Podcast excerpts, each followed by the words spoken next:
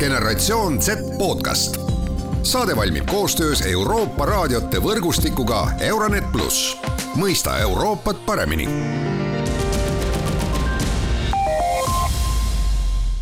tere, head Genset taskuhäälingu kuulajad, mina saatejuht Mart Valner ja täna räägime teadusest ja sellest, kas noored usuvad teadust.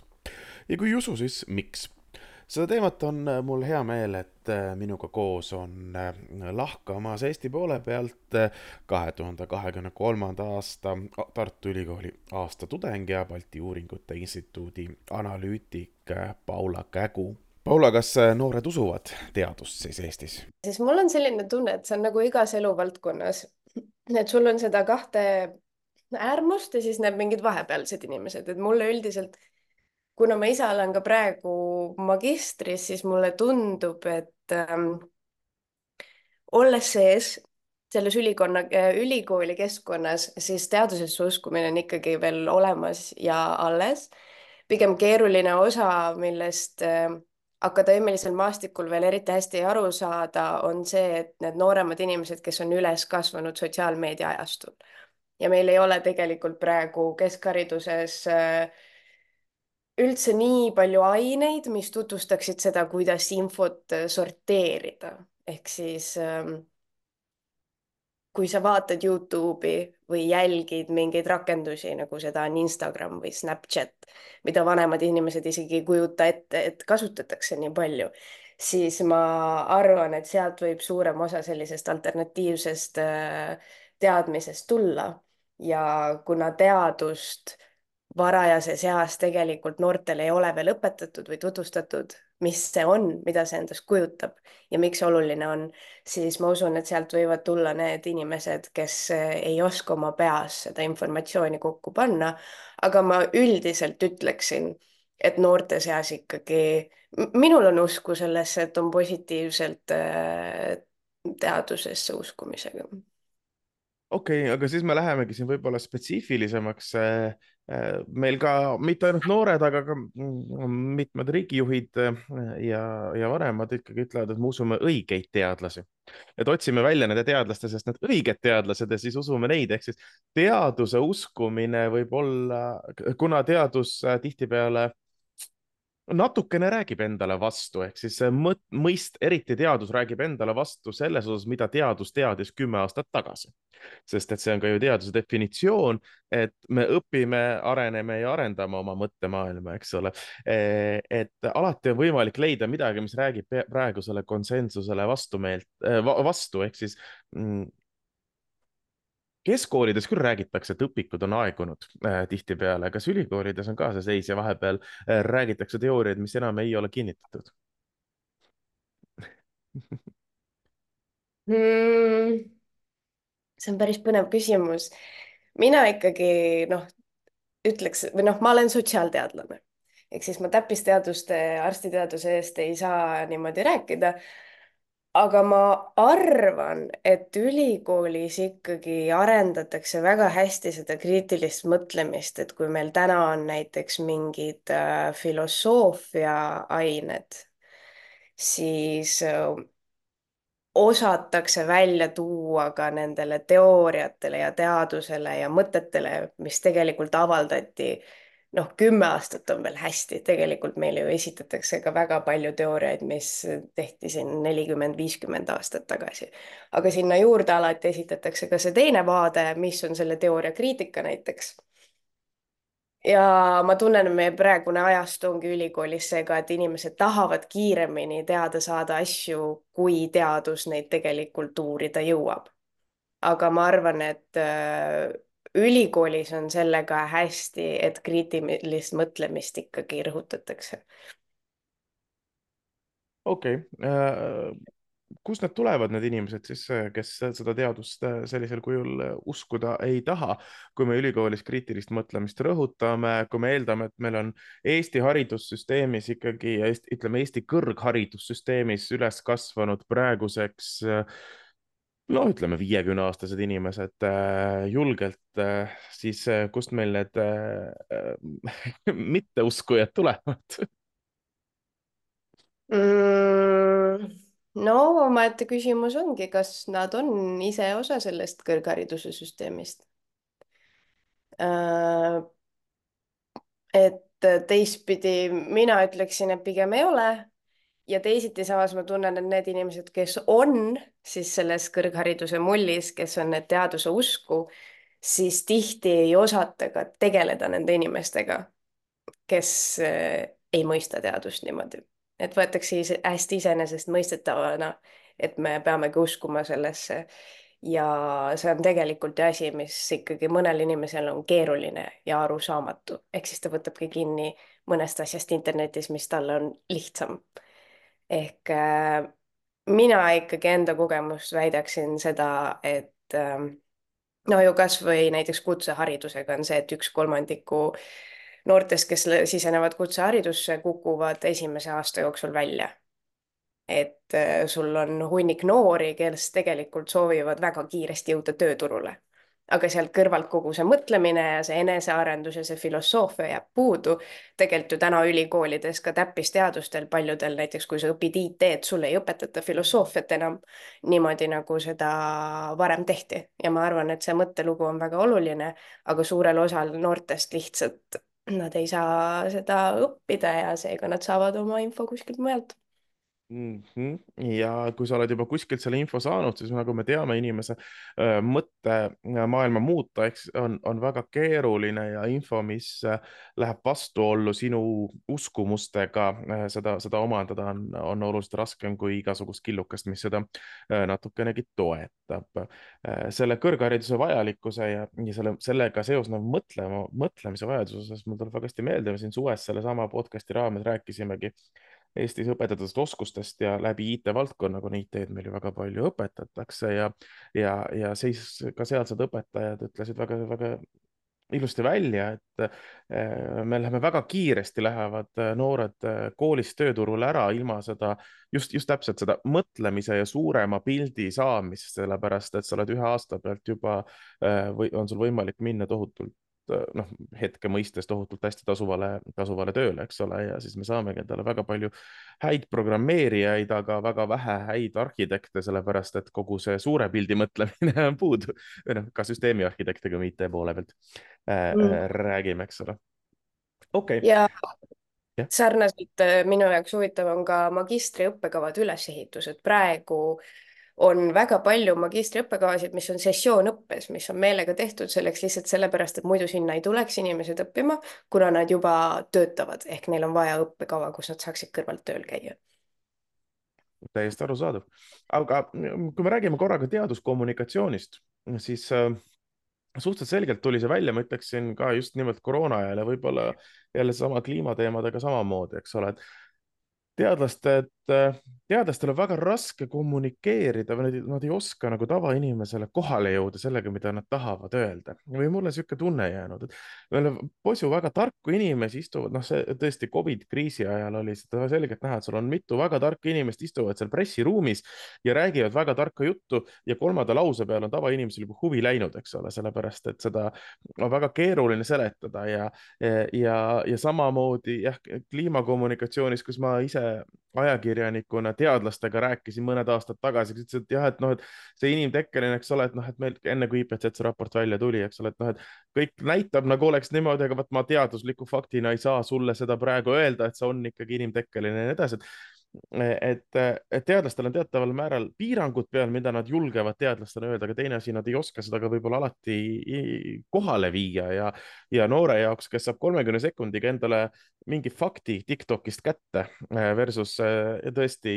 teadmised, mille jaoks ta peaks ühe kursuse läbima, eks ole, siis see kolmekümne sekundine fakt, seda on lihtsam, lihtsamalt pakendatud ja lihtsamalt arusaadav ja ja, ja sa, olgem ausad, isegi kui sa paned sinna mingi viite taha, ega üheksakümmend üheksa protsenti ei lähe vaatama, kas see viide on nüüd äh, viide teadusartiklile või viide järjekordsele Youtube'i videole või midagi sellist, eks ole. kuidas me seda teaduskommunikatsiooni parandame? Äh, ja see on päris äh, keeruline teema, aga tegelikult ma olen just ise ka seda kõrvalt näinud, et vabandust kõigile teadlastele, kes seda vestlust nüüd kuulevad, aga et tõesti teadlased lihtsalt räägivad liiga keeruliselt. et seal on muidugi arusaadav ka see taust, et noh, et et äh, noh, täpselt, et kõike ei saa välja öelda ja kõike ei saa pakendada niimoodi lihtsalt ilma või noh, et mingi info jääb ju puudu. aga see on väga oluline, ma tegelikult ka tean, et näiteks Eesti Teadusagentuuris on kommunikatsiooni ähm, osakond ja see on seal ka just selle eesmärgiga, et kui sul on mingi asutus, mille keskmes on teadlased ja see, et täpselt kuidas kommunikeerida välja äh, neid samu asju, siis sul on vaja neid eraldi inimesi kes noh, sellepärast kommunikatsioon on ka aina populaarsem eriala ja hakatakse enam, enam aru saama, et seda on vaja, sest muidu lihtsalt seesama valeinfo jõuab ette nendest inimestest. ja mul praegu hetkel ei tule meelde, aga Eestis on ka teadlasi, kes on sellised kõneisikud, et sul on vaja seda mm, temperamenti ja kedagi, kes räägib avalikkusele ja noored tegelikult kuulavad, aga sellepärast on seda kommunikatsiooni sinna vaja, et needsamad teadlased ka läheksid ja räägiksid ja räägiksid arusaadavalt, sest et ka mina olen kogenud seda, et kui sa oled oma valdkonnas nii sees, siis sa võtad seda väga loomulikult, et sa tead neid asju, mingeid mudeleid, mingeid äh, andmeid, mingi analüüsi, mis sa läbi viisid, sest sa elad selles sees nädalaid ja nädalaid aga siis lõpuks, kui sa räägid sellest, siis sa lihtsalt räägid sellest liiga keeruliselt ja sa ei pruugi kõnetada nii paljusid inimesi. aga sa ütlesid, et kommunikatsioon on äh, populaarsemaks muutunud, kas mõtledki nagu teaduskommunikatsioon kui selline, sest äh, kommunikatsiooni saab, kommunikatsioonitudengid, äh, okei okay,, seda nüüd vale, et kommunikatsioonitudengid teevad, aga ütleme, kommunikatsioonifirmad teevad, teevad kommunikatsiooni sellele, kes maksab ja see ei pruugi olla üldse teadus seal taga jah, ei, need on tõesti, see on see erasektori võlu jälle, et äh, kasumlikkuse eesmärgil tehakse tõesti palju seda kommunikatsiooni. aga ei, pigem jah, minu jaoks ikkagi see Eesti Teadusagentuur on hea näide avalikust sektorist, kus üritatakse ülikoolid, ma arvan, peavad veel sinna järele jõudma, et aru saada, et äh, neil on vaja ka ennast ja just neid, äh, kui saadakse mingi suur rahastusi või tehakse suuri uurimusi et tegelikult seda,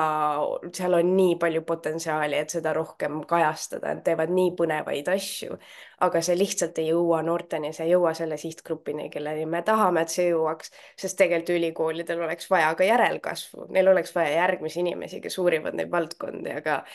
praegu ma ütleks, et seda annab kõvasti arendada veel kas ülikoolid peaksid olema tugevamalt Snapchatis ja Tiktokis ja muudes sellistes kanalites? Äh, nendes mitte, minu arvamus on see, et need ei ole tõsiseltvõetavad kanalid ühe riikliku institutsiooni jaoks. ka Riigikogu tegi meil siin Instagrami, aga, aga just see, et äh, praegu näiteks Facebook toimib väga hästi. Äh, noh, meedia läbi no tegelikult seda statistikat ma isegi ei tea, kui palju noored jälgivad niimoodi igapäevaselt meediat, aga noh, samamoodi koolides kohal käimine äh,, mingite saadete läbi kogemuslugude jagamine, mingid kampaaniad. miks mitte? kõlab äh, nagu võiks, võiks, võiks rohkem ja rohkem olla seda, kuigi ma arvan, et jällegi, kui see publikum on seal Snapchatis, siis noh, kui muud ei ole, siis äh, leiad selle influencer'i ja maksad talle tegelikult küll jah, see on ka võimalik teaduskommunikatsioon, kunagi ju tehti ühe minuti videosid ETV-sse, mis olid väga head videod äh, iseenesest ülikoolide poole pealt, aga küsimus on äh, teise külje pealt jälle seda, et kui palju seda sihtrühma, seda ühe, ühte minutit seal, seal vaatas mm. -hmm üks asi, mida mina teaduskommunikatsiooni poolest, mis mulle tundub, et töötab, aga teevad ainult need kindlad instituudid, kus see idee tuleb, ongi see, et needsamad tudengid ise saadetakse gümnaasiumitesse koha peale rääkima enda erialast ja siis mingist teemast, mis nad õppinud on. ja see on täpselt selline väga vahetu äh, tegevus, mida teha ja tegelikult toimib, sest sul on seal kohapeal juba inimene, kelle juurde minna küsima teaduse kohta ja noh, et mis te teete seal ülikoolis. see on äh, ühesõnaga inimeselt inimesele endiselt kõige parem, usaldusväärsem äh, allikas Äh, Paula, aitäh sulle äh, nende mõtete eest. Äh, ma loodan, et Eesti noored usaldavad teadust nüüd veel rohkem ja eelnevalt juba kah päris palju aga ja, ja sinule edu selle kõige analüüsimisel ja, ja, ja selle teaduse edasi tegemisel. jah, aga palun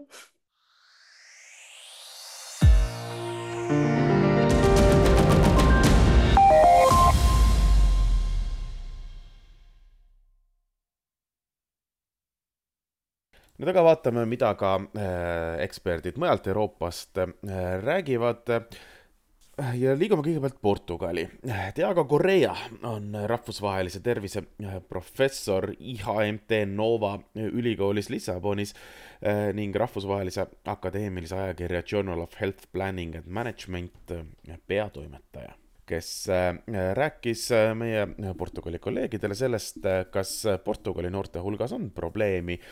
teadusest arusaamisega või teaduse uskumisega Eu não vejo de todo que haja um problema com os jovens portugueses. Felizmente, se calhar estou completamente enganado, mas os sinais, a nível da saúde, os sinais que eu vou tendo, que vamos vendo da vacinação, um, da, da, da, questão de, de, de, dos métodos um, anticonceptivos, um, da utilização de, serviços de saúde, ma ei näe Portugali noorte hulgas üldse probleemi. tervise osas, nagu vaktsineerimine, rasestumisvastased meetodid, tervisekeskuste kasutamine, ei ole midagi, mis mind selles uskuma paneks. noored armastavad teadust rohkem kui kunagi varem ma ei saa noorte peale näpuga näidata, nagu oleksid nad milleski süüdi, sest see on kummaline viis reaalsust tajuda. ma arvan, et noortel on ilmselgelt erinevad mured, kui neil oli kolmkümmend aastat tagasi, sest ühiskonna probleemid on muutunud. kas tänapäeval on noored keskkonna pärast mures?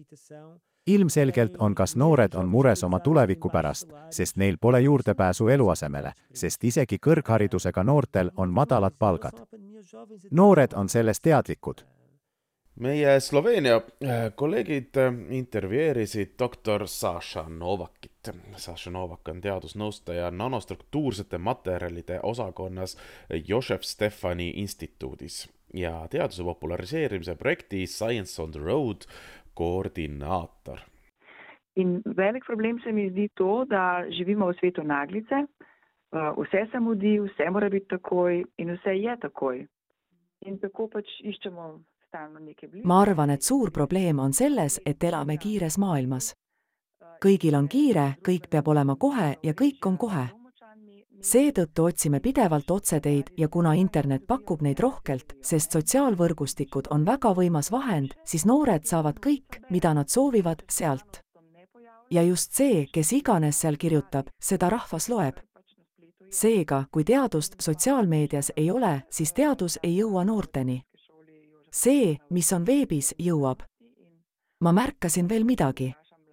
õpetan teaduse populariseerimist Joseph Stefani rahvusvahelises magistrikoolis ja mõnikord küsin noortelt, kas nad vaatavad telekat, kas nad kuulavad raadiot, kas nad loevad ajalehti. vastus on üheksakümmend viis protsent juhtudel peamiselt ei. siis küsin neilt, kust nad saavad olulist teavet näiteks selle kohta, kas nad peaksid vaktsineerima või mitte, kas vaktsiinid on ohutud või mitte. või enne valimisi, kuidas nad otsustavad, keda valida Nende teabeallikaks on sotsiaalvõrgustikud, kus algoritmid tagavad, et nad saavad selle, mis on neile juba omane. see suleb nad sotsiaalsetesse mullidesse samamoodi mõtlevate inimestega. generatsioon Z podcast. saade valmib koostöös Euroopa raadiote võrgustikuga Euronet pluss, mõista Euroopat paremini